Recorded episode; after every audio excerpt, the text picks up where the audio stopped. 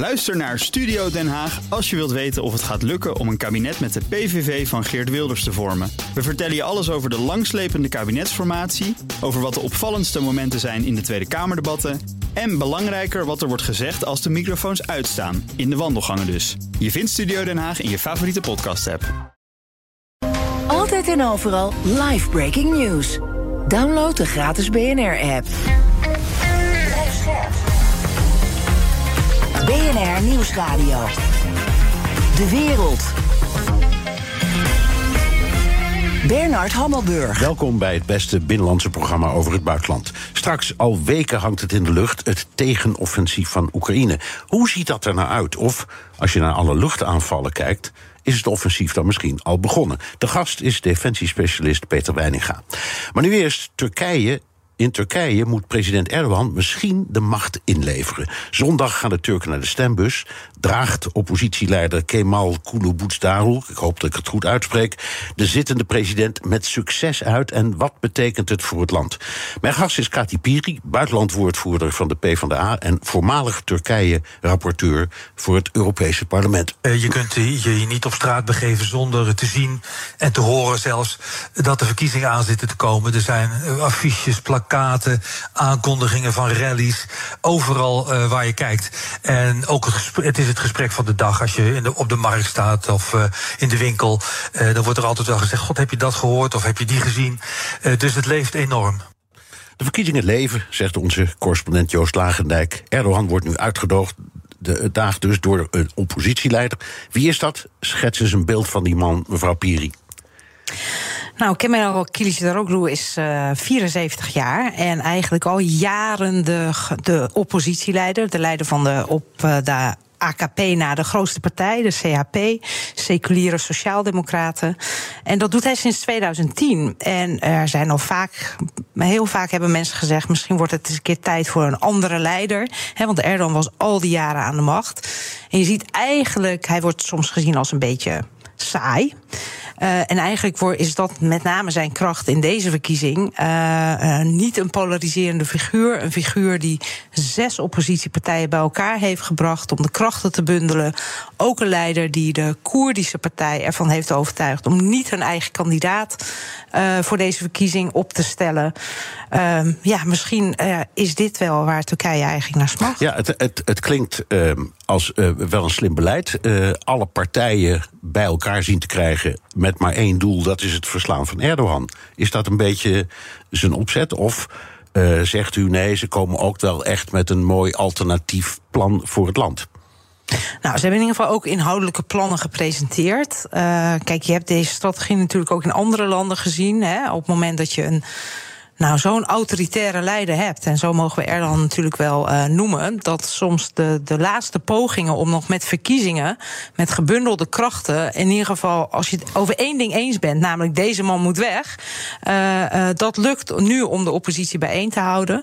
De vraag, één van de vragen is natuurlijk, als Kemal Kılıçdaroğlu de president wordt, of het ook lukt om deze coalitie bijeen te houden als dit de coalitie wordt die de komende jaren Turkije moet gaan besturen. Ja, even, even kijken naar de sympathie of peilingen of zo. U bent uh, jarenlang Turkije-rapporteur geweest voor het Europese parlement.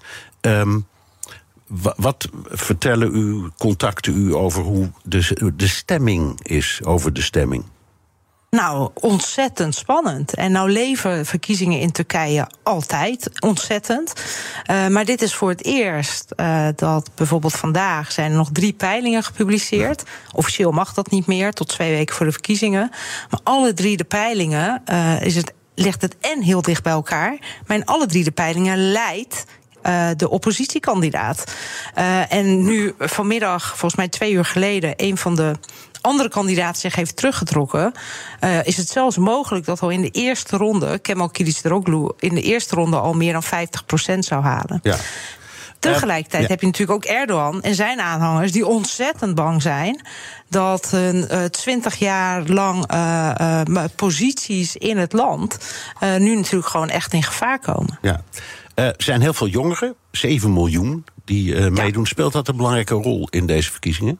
Want even, ja. even, even die, die, je, je praat, de keuze is tussen twee bejaarde heren. Ja.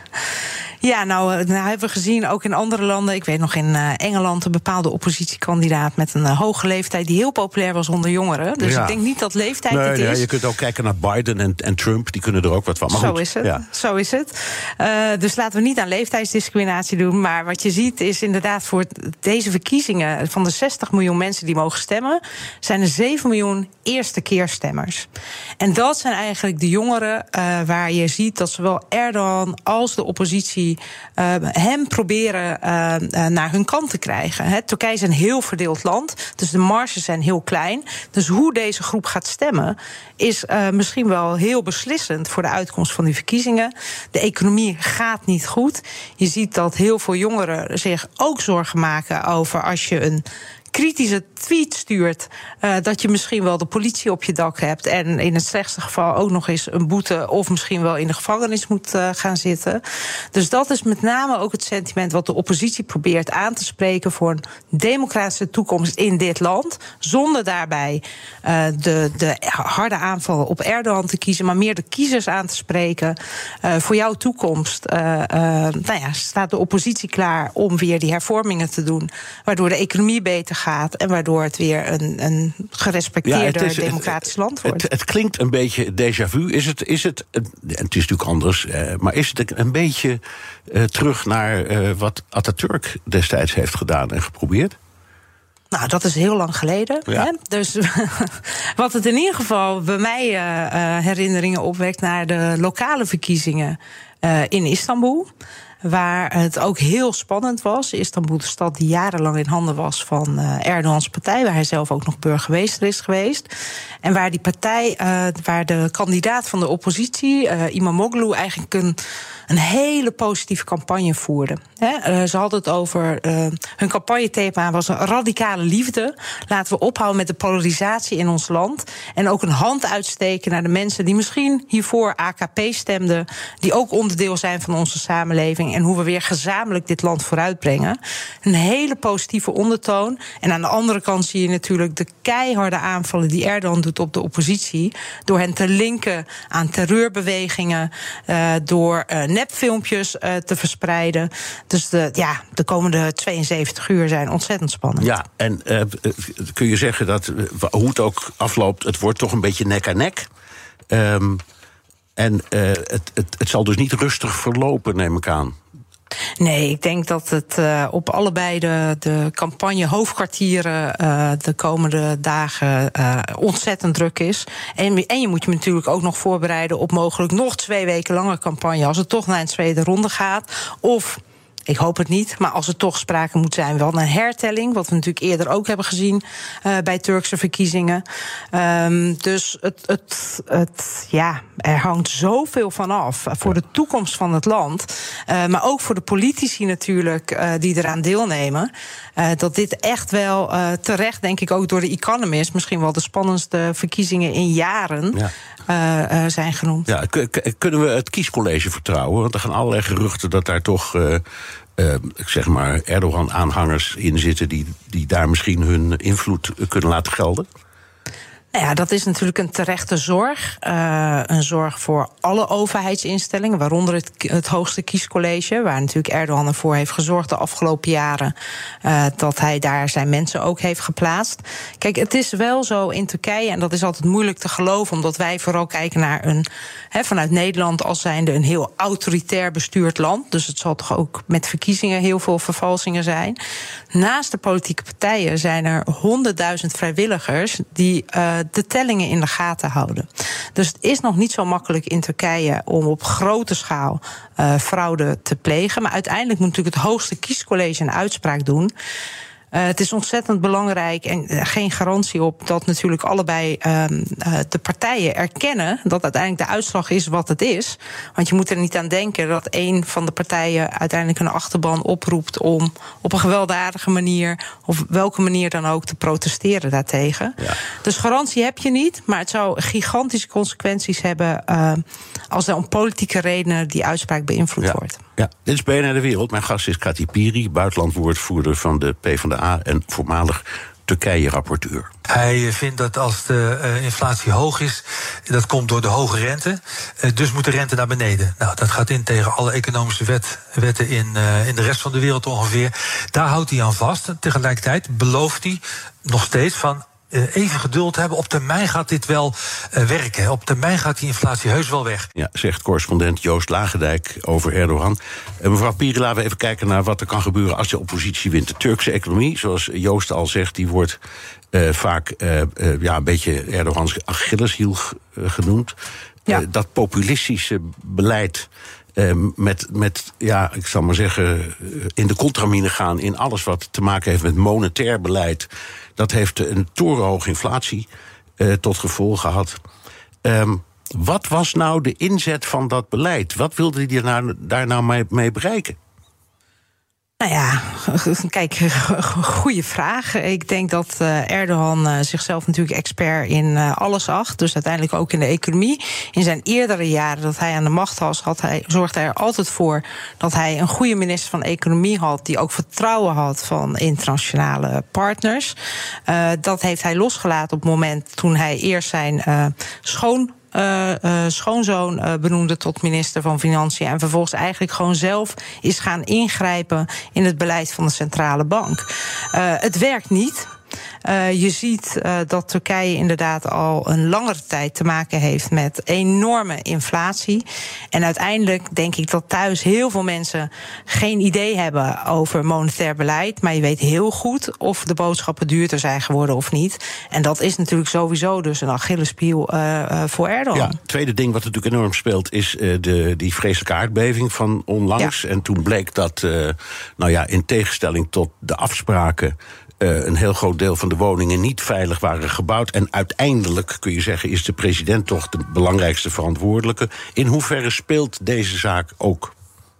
Nou, dat speelt zeker een rol, uh, natuurlijk met name in het gebied uh, waar de aardbeving slachtoffers heeft gemaakt. Uh, wat je ziet is, is misschien niet de enorme grote verschuivingen in die regio die men had verwacht ten tijde van de, van, de aardbevingen zelf. Hè, toen de eerste woede natuurlijk naar boven kwam. Maar toch ook in, zo'n, in een land waar de oppositie en, en de regeringspartij nu zo dicht bij elkaar liggen in deze verkiezing, zijn die percentages van verschuivingen van pro-Erdogan stemmen naar de oppositie toe natuurlijk essentieel. Ja. En wat er sowieso, voor welke regering er ook gaat komen, uh, uh, een grote opgave is, is naast de uh, duizenden menselijke slachtoffers, heeft dit natuurlijk het wederopbouwen van dat gebied zal geschat tot tussen de 5 en 8 procent van het bruto nationaal product gaan, gaan kosten. Dus daar ze moeten nog heel veel miljarden in geïnvesteerd worden om überhaupt dat stukje Turkije weer dat is waar, maar het is natuurlijk ook een hoop werkgelegenheid. Hè? Er zit ook altijd een goede kant aan dit soort dingen. Zeker. Ja, even, even nog iets anders. Hè. We hebben het heel vaak ook met u gehad over de persvrijheid, over um, antidemocratische uh, mechanismen in het land, over heksenjacht op Gulenisten. Ga, ga maar zo, joh. In hoeverre is het mogelijk om de democratie te herstellen? Nou, het wordt een gigantische opgave. Dus ik denk dat er een aantal dingen zijn logisch. Dus er zijn een aantal uitspraken bijvoorbeeld van het Europees Hof over bekende zaken, bekende mensen die zijn vastgezet om politieke redenen. Uh, neem bijvoorbeeld uh, um, uh, Selahattin Demirtas, maar ook Osman Kavala. Eén is de NGO-leider, de andere is de leider van de pro-Koerdische partij. Ja, er zijn gewoon uitspraken van het Europees Hof om hen vrij te laten. Alleen Erdogan heeft zich daar gewoon niet aan gehouden. Nee. Dus dat is laag hangend fruit. Maar er zijn ook tienduizenden mensen die hun baan hebben verloren. of die voor een aantal maanden gevangen zijn gezet. Uh, hoe ga je ervoor zorgen op een democratische manier. Hè, uh, dat je, uh, maar ook rechters die daar natuurlijk bij betrokken waren. dus je kunt aan de ene kant straks niet al die instanties. nou ja, met een ondiplomatiek woord zuiveren. Uh, en aan de andere kant heb je natuurlijk ook echt te maken, ook in de rechterlijke macht, met gewoon politieke pionnen. Uh, van Erdogan die daarin zitten. Uh, dus hoe ga je daarmee om? Ja. Terwijl je ook respect hebt voor de rechtsstaat. Dat wordt een gigantische uitdaging. In de studio is ook uh, Europa-verslaggever Geert-Jan Haan. Geert-Jan, jij bent eens even gedoken in de relaties van Turkije met zowel Rusland als Oekraïne. Eet Turkije nou van twee walletjes? Misschien wel van drie, Bernard. Het is ook nog eens uh, NAVO-partner en het probeert. Uh, nou, laat ik het anders zeggen: Turkije eerst. Turkije voorop. Ik denk dat dat hetgeen is wat het meest terugkomt als ik met, uh, met mensen hierover spreek. Kijk, alle, bijna alle NAVO-landen steunen Oekraïne in deze oorlog. Maar Turkije heeft een wat, wat vrijere rol zichzelf toegeëigend. Het heeft zich niet aangesloten bij het sanctiepakket dat westerse landen hebben gesloten. Um, en het wil zich bij tijd en wijle ook al opwerpen als mediator. Dat zag je aan het begin van de oorlog bij snelle pogingen tot een staakt het vuren. Zelfs nog voor de oorlog. Want ik was in Kiev drie weken voordat de, de volledige invasie begon. Overal Turkse vlaggetjes in de straat. Want Erdogan die kwam op bezoek bij Zelensky. Maar je ziet het ook met de Turkse betrokkenheid bij de graandeal. Dat heeft ook geografische redenen. Want Turkije, Oekraïne en Rusland liggen alle drie aan de Zwarte Zee. Ja. Um eh, laten we even die relatie een paar zinnetjes onder loep nemen. Wat is de band tussen Turkije en Rusland? Dat is misschien wel de meest gecompliceerde. Want eh, geschiedkundig hebben ze elkaar eeuwenlang de tent uitgevochten. Er zijn mensen die zeggen er zijn niet meer oorlogen geweest dan tussen Turken en Russen. Um, en eigenlijk sinds de val van de Sovjet-Unie is die relatie iets genormaliseerd. Maar je kunt eigenlijk zeggen, de huidige relatie is uh, economisch is heel sterk. Heel veel toerisme. Uh, er gaan uh, miljoenen Russen naar Turkije. Uh, ook fossiele afhankelijkheid van, um, die Turkije van Rusland heeft, is, is groot. zal ook mee te maken hebben dat ze daarom niet met het sanctiepakket zomaar meedoen. En je hebt. Um, denk ik toch ook wel de, de persoonlijke relatie tussen Erdogan en Poetin, die eigenlijk een heleboel andere akkefietjes uh, kan, kan overschaduwen. Want de annexatie van de Krim vond Turkije niet leuk, want dan gaat het om Turkstaligen. Ze hebben disputen in, in de Caucasus, in Centraal-Azië. Uh, ze hebben natuurlijk mot gehad over Syrië. Er is nog een vliegtuig toen neergeschoten, Bernard, waarbij ze enorme ja. uh, ruzie kregen. Ja, dus, maar met Syrië leggen ze het nu bij, heb ik begrepen. Ja, ik denk dat het vooral die band tussen Erdogan en, en Poetin is. Dat wordt althans gezegd die um, haalt een heleboel kou uit de lucht. Ja, oké. Okay. En de relatie tussen Turkije en Oekraïne? Toerisme ook. Uh, ook een, een, een magneet. Wel op iets mindere schaal dan het aantal Russen dat naar Turkije gaat.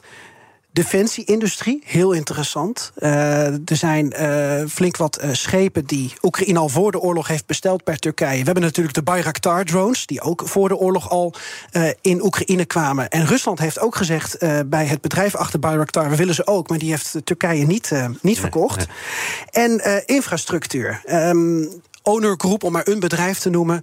Dat is ontzettend groot in Oekraïne. Het bouwt al jaren bruggen. Uh, ik heb zelf ook de nieuwe brug bij Irpin, die buitenstad van Kiev gezien. Ook weer door Owner Group. Dus beide landen hebben enorme economische belangen. Volgens mij is de relatie tussen Zelensky en Erdogan ook uh, redelijk goed. Um, dus daar zit eigenlijk niet eens zo heel veel verschil tussen, gek genoeg. Mevrouw Piri, ziet u bij een verschil tussen wie er wint in, uh, in, in, in de zin van buitenlandse relaties? Of zal, zal een nieuwe leider ook proberen die, die mooie middenkoers, uh, die, dat centralistische, um, in dat gebied voor te zetten? Uh, deels allebei. Dus ik denk dat de accentverschillen die bij een oppositiewinst er zullen zijn, zijn wel essentieel. Het zal pro-NAVO zijn. He, en los van uh, dat ik het mee eens ben dat Turkije niet waarschijnlijk opeens die sancties tegenover Rusland zal instellen. Uh, ze zullen er wel voor zorgen dat de sanctieontwijking, die nu vaak via Turkije mogelijk wordt gemaakt, dat dat in ieder geval hard, halt toe wordt geroepen. Er komt weer een discussie over het S-400 raketafweersysteem, ja, wat ja, dat, Erdogan ooit uh, heeft gekocht uh, van de Russen. Ja, toen de Amerikanen, uh, of... maar de Amerikanen wilden geen Patriots leveren. Hè, dat was het probleem. Ja. En, toen, en toen zei Erdogan, je kan maar wat, ik koop Russische. Zeker, dus ja. ik denk dat dat uh, ook een enorm verschil zijn. Kijk, het is niet zo dat opeens het conflict in Noord-Cyprus is opgelost. Uh, of dat, uh, sterker nog, het Syrië-beleid heeft de oppositie... en Kemal Kılıçdaroğlu vindt al jaren dat de band met Assad zou moeten worden hersteld... en dat de vluchtelingen terug moeten. dus er komt niet een radicale wijziging, maar de wijziging die er komt... is wel een pro-westerse wijziging. En het is sowieso fijner om met een democratisch regime het gesprek aan te gaan... dan met een autoritair autoritair regime. Ja. Ten slotte, jij nog even, Geert-Jan. Wat, wat, hoe zie jij de relatie ver, uh, nou ja, veranderen als Erdogan de verkiezingen verliest? Wat wordt dan de, de, de relatie van Turkije met Oekraïne en Rusland? Of blijft hij, wat jou betreft, ook ongeveer wat hij is? Nou, wat ik hoor van mensen die er meer verstand van hebben dan ik, is dat die relatie misschien wel hetzelfde blijft. En um, dat er vanuit het Westen uh, maar ook zeker vanuit Rusland, nu heel erg um, gehamerd wordt op dat Erdogan mag blijven. Je ziet bij uh, Russische staatsmedia dat de oppositiekandidaat flink wordt zwart gemaakt. En dat is eigenlijk omdat, maar mevrouw Piri mag mij corrigeren, het idee van aan Erdogan weet je nou eenmaal wat, wat je nu hebt. Nou, ook al vinden wij dat soms een beetje vaag. Ja, ja maar dat is best begrijpelijk. Oké, okay, mevrouw Piri, dan één ding dat ik, dat ik nog wil vragen, heel snel. Um, u bent jarenlang daarmee bezig geweest en formeel lopen ze nog. Maar als Erdogan verliest, worden dan de onderhandelingen over toetreding tot de EU hervat of weer in een grotere, hogere versnelling gezet? Nou, mijn advies zou zijn aan uh, de oppositie, die dan uh, uh, in ieder geval de nieuwe president van, van Turkije is, om eerst in te zetten op verbeteringen van die relatie. er is een hoop te doen. Zij moeten ook weer gewoon buitenlandse investeringen te hebben, die economische banden te versterken. Want op dit moment denk ik niet dat er heel veel animo is binnen de EU om dat gesprek weer nieuw leven in te blazen. Nee.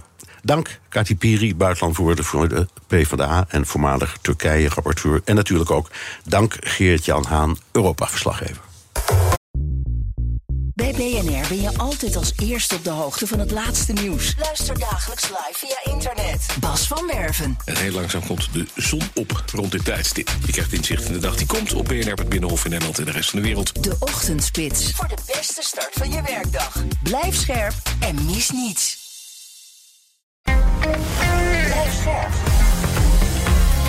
BNR Nieuwsradio. De wereld. Bernard Hammelburg. Oekraïne heeft meer tijd nodig om het lang verwachte tegenoffensief voor te bereiden. Dat zegt president Zelensky tegen de BBC. Most importantly, they will protect our people. We're expecting armored vehicles. They arrive in batches. We can advance with what we've got and I think we can be successful. But we will lose a lot of people. I think that is unacceptable. We need to wait. We need a bit more time. Dat alles ondanks westerse wapens die inmiddels in Oekraïne zijn aangekomen. Bij gast is Peter Weidinga, defensiespecialist bij het Den Haag Centrum voor Strategische Studies. Dag Peter. Goedemiddag Bernard. Ja. Um, Zelensky zegt ik heb meer tijd nodig. Wat, wat zit hierachter? Wat is de strategie? Ik denk inderdaad uh, dat het precies is wat hij zegt. Uh, dat hij toch wel zit te wachten op meer panzerwagens. Uh, met name om voedsoldaten, infanteristen dichter en on, onder bescherming uh, bij het gevecht uh, te brengen. Um, het is zoals hij zegt, inderdaad, we, we zouden wel een aanval kunnen plegen op dit moment. Maar omdat we te weinig panzervoertuigen hebben, of infanteriegevechtsvoertuigen heten ze formeel, um, kunnen we dan heel hoge aantallen slachtoffers verwachten. En ja, dat is iets wat ze zich eigenlijk niet kunnen veroorloven. Dat kun je eigenlijk wel zeggen. Nee. Nee, want ze hebben, als je het vergelijkt met uh, Rusland, natuurlijk veel minder potentieel aan mensen. Ja, dat klinkt heel hard. Maar de Russen hebben veel meer mensen dan de, dan de Oekraïners. Uiteindelijk, hè? Ja, het, het, lijkt een beetje een strijd te worden van eh, westerse kwaliteit tegen Russische kwantiteit. En um, als je daar succesvol in wilt zijn, dan moet je natuurlijk wel over voldoende kwaliteit beschikken. En die panzervoertuigen, uh, die vormen een deel van die kwaliteit. Ja. Um, waar juist de kwantiteit aan de Oekraïnse kant een beetje uh, nou, ontbreekt wil ik niet zeggen, maar een stuk minder is dan aan de Russische kant. Ja, dat van die eh, kwantiteit en kwaliteit, dat heeft, ik geloof, Bob uh, Bauer, voorzitter van het Militair Comité van de NAVO, ook gezegd. Ja. Dus iedereen is het klaarblijkelijk ja. daarover eens. Maar dan hoor je ook uh, de Amerikaanse opperbevelhebber Mark Milley zeggen: ja, uh, wat, wat materieel betreft, hebben de Oekraïne, Oekraïners eigenlijk wel voldoende om een offensief te beginnen. Slaat hij dan die, die, die panzervoertuigen over in zijn redenering? Weet het niet. Ik weet niet waar hij dit op baseert. Ik denk dat vooral de Oekraïners zelf moeten besluiten of ze voldoende hebben, ja of nee. Ja. Ik denk niet dat een. Uh, ik vind het nogal vreemd dat een, een, een, buitenlandse militair op grote afstand denkt te kunnen bepalen uh, of ze wel of niet voldoende hebben. Dat is een Oekraïense afweging. Die kan alleen een Oekraïense militaire commandant maken en niemand anders. Nee, zelfs, dus, een, zelfs, niet, zelfs, zelfs een Amerikaan met die rang die moet even bescheiden blijven. Dat denk ik ook. Ik denk uh, sowieso, dat zie je wel vaker, dat uh, wij als het gaat om Oekraïne heel vaak vanuit een westers perspectief ja. redeneren. dat was te zeggen, we hebben ze zoveel panzervoertuigen en zoveel dit gegeven. En misschien ook wel ja, nou, vliegtuigen, et cetera, et cetera. Nou, nou, moeten ze maar gaan, denken we dan. mee moeten kunnen. Ja, precies. Ja, exact. Ja. Uh, nou, en dan heb je ook nog het trainen. er, er komt nu nog een luchtafweerschutsysteem naar Oekraïne. De Koep uit Tsjechië. Ze hebben nu Patriots, de Iris-10, NASAMS eigen Sovjet-afweer uh, die ze nog van vroeger hebben, en Koep. Um, worden ze niet helemaal gek van het, het uh, ja, trainen van al die mensen op al die verschillende systemen? Ja, dat is op dit moment natuurlijk, eh, denk ik zelfs in bredere zin, een, een, een, ja, een uitdaging, laat ik het zo maar zeggen. Met name ook een logistieke uitdaging qua training en qua onderhoud van die, al die systemen. Als je kijkt wat er allemaal geleverd is door het Westen, is er op dit moment een allegaartje van allerlei systemen. Zoals op de luchtverdediging, maar ook als je kijkt naar artillerie, hè, kanonnen, raketsystemen, panzervoertuigen, wapens. Um, dat is echt uh, wel een, een uitdaging voor de toekomst. Um, zal uh, hoe dan ook uiteindelijk toch uh, moeten worden gestandardiseerd. Dus um, wat dat betreft uh, hebben ze nog wel wat dingen op te lossen. Maar op dit moment zijn de Oekraïners natuurlijk blij met alles wat ze kunnen krijgen. Ja, nu weer Storm Shadow kruisraketten uit Engeland. Altijd, daar kwam het bericht net over. Um, is, is dat het soort van dingen dat Oekraïne ook nog mist? Behalve die, die, die. Ja, dat is een van de dingen waar ze al uh, langere tijd om vragen. Hè? Ja, maar dit ding is een lange af. Dit. Deze kan 250 kilometer ja. verschieten of zo. Ja. En daar waren allerlei scrupules aan westerse kant, voortdurend. Ja. Ja, die, die scrupules heeft het Westen inmiddels laten varen. Ook de Amerikanen hebben eigenlijk uh, al gezegd van... weet je, uh, wij gaan de Oekraïners niet tegenhouden... als zij uh, over grotere afstand aanvallen willen uitvoeren. Ja. Nou, die Storm Shadow gaat daar zeker een rol in spelen. Wat we hebben gezien natuurlijk is dat sinds het verstrekken van de HIMARS-raket... met een bereik van 80 kilometer... Oekraïns, of sorry, Russische, het Russische leger verzamelplaatsen uh, opslagplaatsen, munitiedepots, et cetera, verder achter het front heeft geplaatst. Waardoor ze eigenlijk weer buiten bereik van de Oekraïnse uh, artillerie kwamen te liggen. Ja. Uh, dus de vraag om lange afstandswapens, om al die teruggetrokken opslagplaatsen toch te kunnen raken, ja, die is al van enige tijd terug. Ja, nou, laat ik het zo maar zeggen, een hele domme vraag. Wat is eigenlijk een offensief?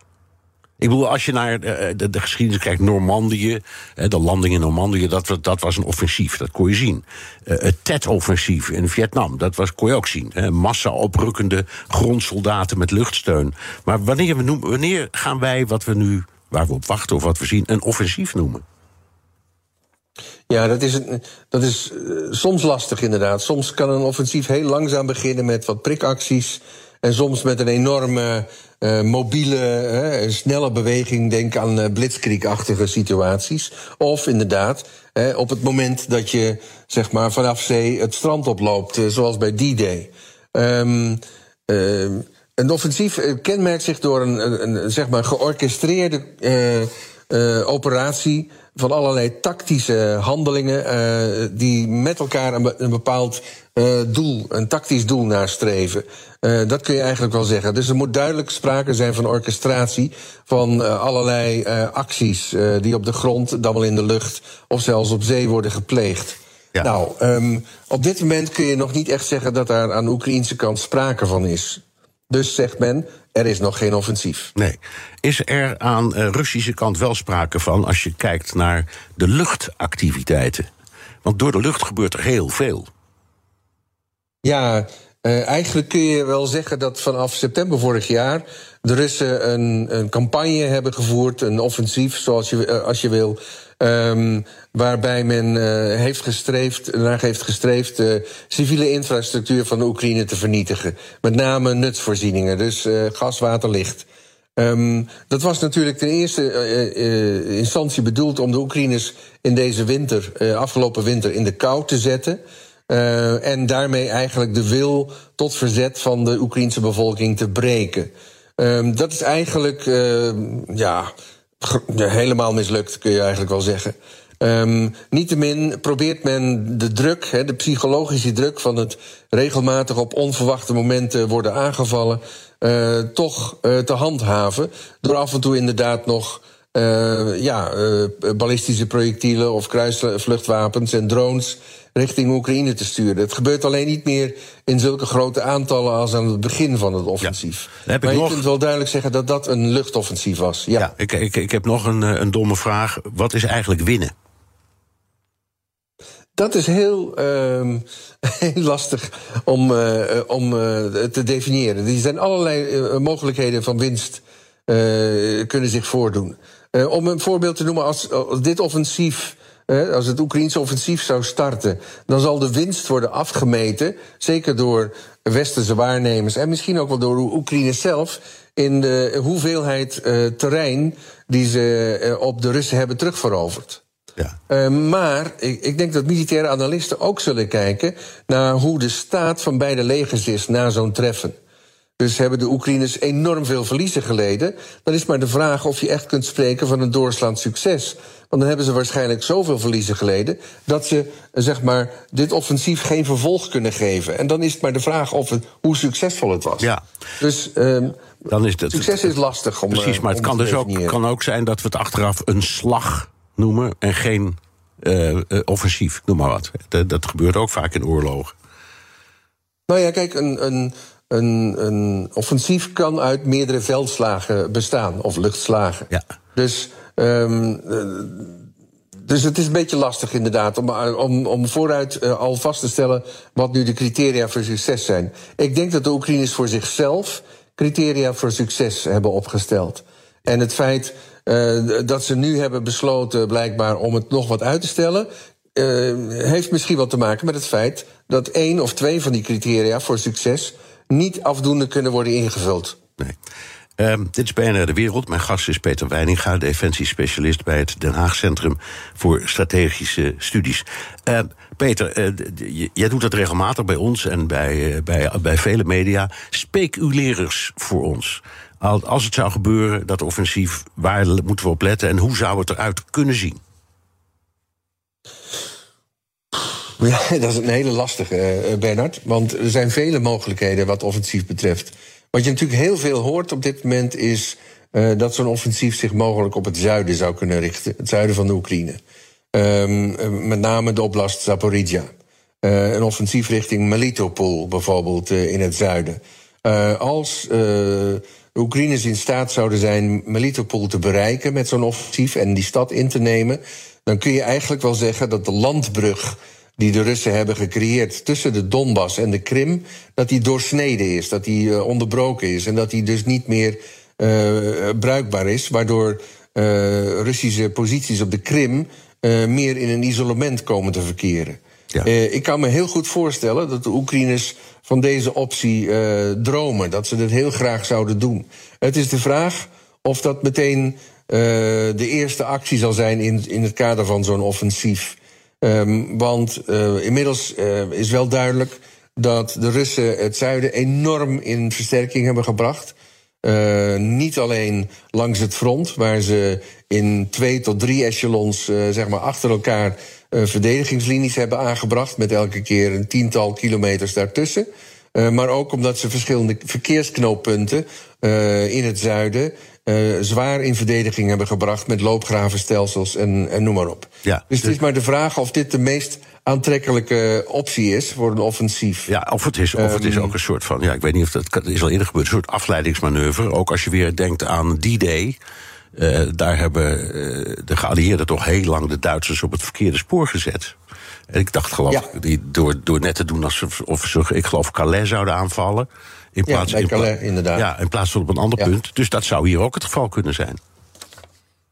Ja, dat zou het geval kunnen zijn. Dat de Oekraïners daarmee bezig zijn, inderdaad. En dat de Russen dus verwachten dat ze in het zuiden komen. En dat de Oekraïners eigenlijk plannen om, om ergens anders naartoe te gaan. Um, een andere optie is, uh, die wordt ook wel genoemd door sommige analisten, is Bakhmut. Um, in Bakhmut is heel hard gevochten de afgelopen maanden. Er zijn uh, heel veel slachtoffers gevallen aan beide kanten, maar aan de aan Russische kant toch wel uh, vele malen meer blijkbaar dan aan de Oekraïnse kant. Um, het was duidelijk de opzet van de Oekraïners om proberen de Russen daar zoveel mogelijk, nou ja, leeg te bloeden, zou je bijna kunnen zeggen. Um, en wordt er sommigen geopperd dat er zich misschien een kans voor doet in Bachmoed om daar in het tegenoffensief te gaan. Ja, dat zou, um, dat zou ja, oké, okay, ik, ik, sluit het niet uit. Nee, het zou, kan. zou verrassend zijn. Even, je hebt het ongetwijfeld ook gezien, de column van Thomas Friedman in de New York Times. Um, die, die schrijft over Poetin. Die heeft zich in een situatie gemanoeuvreerd waarin hij niet kan winnen, niet kan verliezen en niet kan stoppen. Heeft Friedman gelijk? Ja, Poetin kan zich niet veroorloven te stoppen. Um, dat komt hem, uh, het, dat gebeurt nu eigenlijk al, op zeer zware kritiek te staan van allerlei uh, toch nogal radicalere mensen om hem heen. Die willen dat hij harder, zeg maar, optreedt in, in Oekraïne. He, denk aan Prigozhin, denk aan Kadyrov, denk aan een hele hoop mailbloggers, he, militaire bloggers uh, die uh, ja, uh, toch wel fanatieker zijn in het, in het hoe de Oekraïne zou bestreden moeten worden. En waar ook af en toe wordt geopperd om kernwapens in te zetten. kan hij zich niet veroorloven. Hij moet met een soort van winst zeg maar, terugkeren om zijn eigen politieke en misschien wel fysieke overleven te garanderen. Ja. Dus. Um, en, dan komen we, ja, dat... en dan komen we weer terug op wat je aan het begin zei. Uh, namelijk uh, kwaliteit en snelheid die tegenover elkaar staan. In dit geval. Ja, dat, dat, dat kun je wel zeggen. Snelheid en kwaliteit. Um, die moeten vooral aan de Oekraïnse kant, zeg maar, goed worden uitgebuit om succesvol te kunnen zijn. En ja, de Oekraïners hebben eerder laten zien dat ze enorm creatief zijn hè, en enorm goed uh, doordacht, zeg maar, bepaalde acties plegen. Dus ik, ik ben ook uh, zeer benieuwd wat ze, wat ze nu van plan zijn. Maar het is inderdaad zo, kijk, Poetin heeft zichzelf in de hoek gemanoeuvreerd. Met uh, deze operatie, met de annexatie van die gebieden. Waardoor hij bijna letterlijk verplicht is om die gebieden ook in verdediging te brengen. hij moet met winst hieruit terugkeren.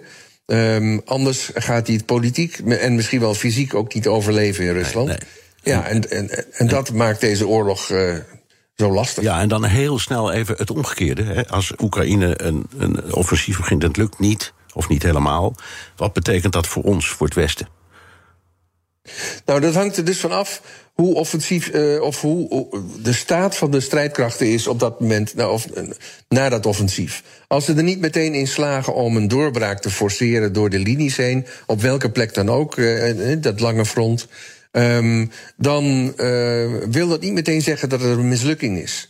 Als uh, bijvoorbeeld blijkt dat uh, de Russische strijdkrachten daar zoveel verliezen hebben doorgebracht, uh, toegebracht. Dat er eigenlijk wel sprake is van een soort van ineenstorting. Terwijl ze zelf relatief weinig verliezen hebben geleid, geleden. dan zou het nog best wel een, een succes kunnen zijn. Ja. Um, alleen wij in het Westen kijken natuurlijk graag naar kilometers terreinwinst. En als we dat niet zien, dan willen we nog wel gauw eens zeggen van het is mislukt. Ja. Maar dat hoeft niet per se zo te zijn. Oké, okay, uh, we zullen je ongetwijfeld de komende tijd nog heel vaak spreken. Dankjewel. Peter Weidinga, defensiespecialist bij het Den Haag Centrum voor Strategische Studies. Postma in Amerika. Tijd voor het Amerikaanse nieuws door de ogen van onze correspondent in Washington, Jan Postma. Jan, er is veel kritiek op CNN na de town hall meeting met Trump. Ja, dat werd eigenlijk precies wat je van tevoren kon verwachten. Trump kwam echt met een lawine aan leugens en onwaarheden. En de moderator, uh, Caitlin Collins, die, die ging daar heel vaak... en ik vond ook wel, moet ik zeggen, heel goed tegenin. Uh, binnen de mogelijkheden van het format deed ze dat werk echt heel goed. Maar uiteindelijk werkt het dan toch niet. Trump domineert... En, en kom er maar eens tussen, als hij maar door blijft gaan. En hij kreeg dus een podium live op CNN om bijvoorbeeld nog eens uh, te zeggen dat de verkiezingen van 2020 echt gestolen zijn. Most people uh, understand what happened. That was a rigged election, and it's a shame that we had to go through it. It's very bad for our country. All over the world, they looked at it, and they saw exactly what everyone else saw.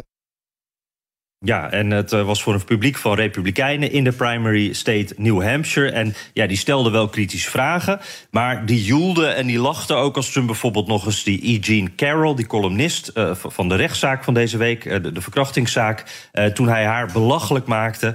Uh, ze, ze, applaudisseerden ook uh, toen Trump vertelde dat hij een groot deel van de kapitoolbestormingsgratie wil verlenen. Dus inderdaad veel kritiek, omdat Trump uh, weer dat podium kreeg van CNN. En een van de presentatoren zei.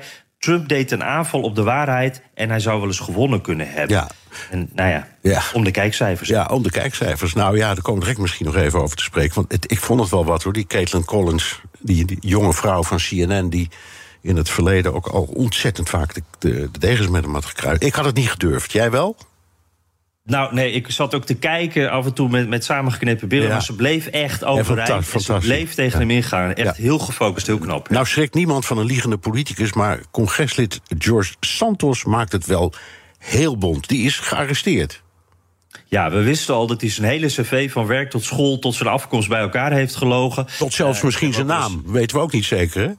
Ja, precies. Eigenlijk weten we niks van die man of dat wel klopt. En moet je overal aan twijfelen. Hij, hij, ja, we hebben dat al eens in de Amerika-podcast ook besproken. Dat hij eigenlijk van zichzelf de, de ideale kandidaat heeft geboetseerd voor zijn district in New York. Uh, zijn moeder, een 9-11 survivor van Joodse afkomst. Werkt op Wall Street. Maar ook een immigrant die zichzelf helemaal heeft opgewerkt. Nou, daar bleek allemaal niks van te kloppen. Uh, partijgenoten in New York. Uh, hij is een republikein. Die zeggen ook hij moet opstappen. Kevin McCarthy steunt hem ook niet meer in Washington. Maar uh, nu is er toch echt, uh, echt wat een, een, probleem voor hem. Want hij wordt nu vervolgd omdat hij op allerlei manieren fraude heeft gepleegd. Hij gaf volgens de aanklager campagnegeld uit aan zichzelf. Deed nog veel meer foute dingen. Zo kreeg hij bijvoorbeeld ook 20.000 dollar aan coronabijstand.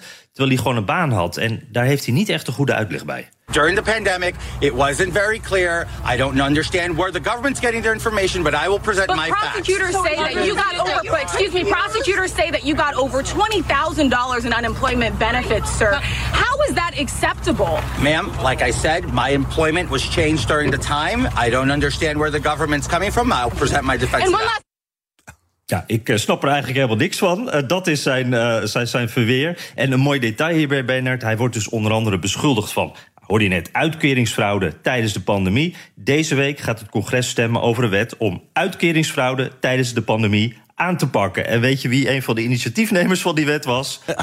het zal niet waar wezen, Jan. Het is echt waar. Ja. Santos was dat zelf. Ja. Geweldig. Oké, okay, Republikeinen hebben ondertussen het liever over iets anders. Die kwamen met een update over hun onderzoek naar de Bidens. Ja, en daar zitten heel grote beweringen in. Als je ze hoorde deze week, dan is het echt helemaal gedaan met president Biden. Uh, de Biden zou voor minstens uh, 10 miljoen aan betalingen hebben ontvangen van Chinese en Roemeense geldschieters. Maar het probleem hierbij is. Ze geven heel weinig details en het is allemaal op dit moment niet te controleren. En als je ook wat beter naar ze luistert, dan zijn ze zelf eigenlijk ook niet helemaal zeker. The DOJ needs to get off its ass and investigate. We've done the work for them so they can't screw it up now. If these allegations, any of these allegations, are proven true, then someone with the last name Biden needs to be charged, prosecuted, and maybe spend a little time in prison to take to account and responsible for the actions they've taken today. Ja, harde woorden. Biden of een van de Bidens moet de gevangenis in. En uh, de justitie moet zijn werk gaan doen, want wij hebben het voorwerk al gedaan. Maar wat ik ook hoor, uh, we hebben dus beschuldigingen die, uh, als ze bewezen kunnen worden, heel zwaar zijn. En justitie moet dat bewijs nog maar gaan leveren. En wij hebben het dus al zo aangeleverd dat ze dat eigenlijk niet kunnen verprutsen. Maar wat die bewijzen dan zijn, die noemen ze niet. Nee. Uh, met andere woorden, die hebben ze helemaal nog niet, volgens mij. En ja, ik moet ook wel zeggen, er gebeuren jammer genoeg heel veel schimmige dingen in Washington met familieleden die profiteren van presidenten of congresleden. Ik verbaas me echt wel eens over hoe dat hier allemaal kan en mag. Maar de vraag is natuurlijk nu: wat is er nou precies gebeurd met die Bidens? Kun je bewijzen dat Joe Biden ermee te maken heeft? En is dat dan strafbaar? Ja, en, en, en uh, is Joe Biden schuldig voor iets wat misschien zijn zoon Hunter Biden heeft gedaan? Dat, als, ja. als, als dat al blijkt waar te zijn, want ook dat weten we nog steeds niet. Hè? Nee, precies. En, en de, Republikeinen die maken daar, daar echt één persoon van. Als de zoon het heeft gedaan, dan is Joe Biden ook de pineut. Eh, terwijl ja, Hunter Biden heeft geen, uh, geen, geen taak in het Witte Huis. Heeft geen taak gehad in de campagne. Dat is echt iemand die er eigenlijk niet bij hoort. Dus ja, er moet echt wel een link met Joe Biden zijn... om dit ook uh, een probleem voor Joe Biden te maken, zou je zeggen. Maar ja, Republikeinen blijven gewoon met modder gooien... en hopen dat wat blijft plakken. Dankjewel, Jan Postma. Wilt u meer horen over dat fascinerende land? Luister dan naar de Amerika-podcast van Jan en mij. En tot zover BNR De Wereld. Terugluisteren kan via de site, de app, Spotify of Apple Podcast. Reageren kan via een mailtje naar dewereld.bnr.nl. Tot volgende week. Ook Diana Matroos vind je in de BNR-app. Ja, inderdaad. Je kunt live naar mij luisteren tijdens de Big Five. Ook handig in de BNR-app. Breaking nieuwsmeldingen, maar ook het allerlaatste zakelijke nieuws. En je vindt in de app alle BNR-podcasts, waaronder Wetenschap Vandaag. Download nu de gratis BNR-app en blijf scherp.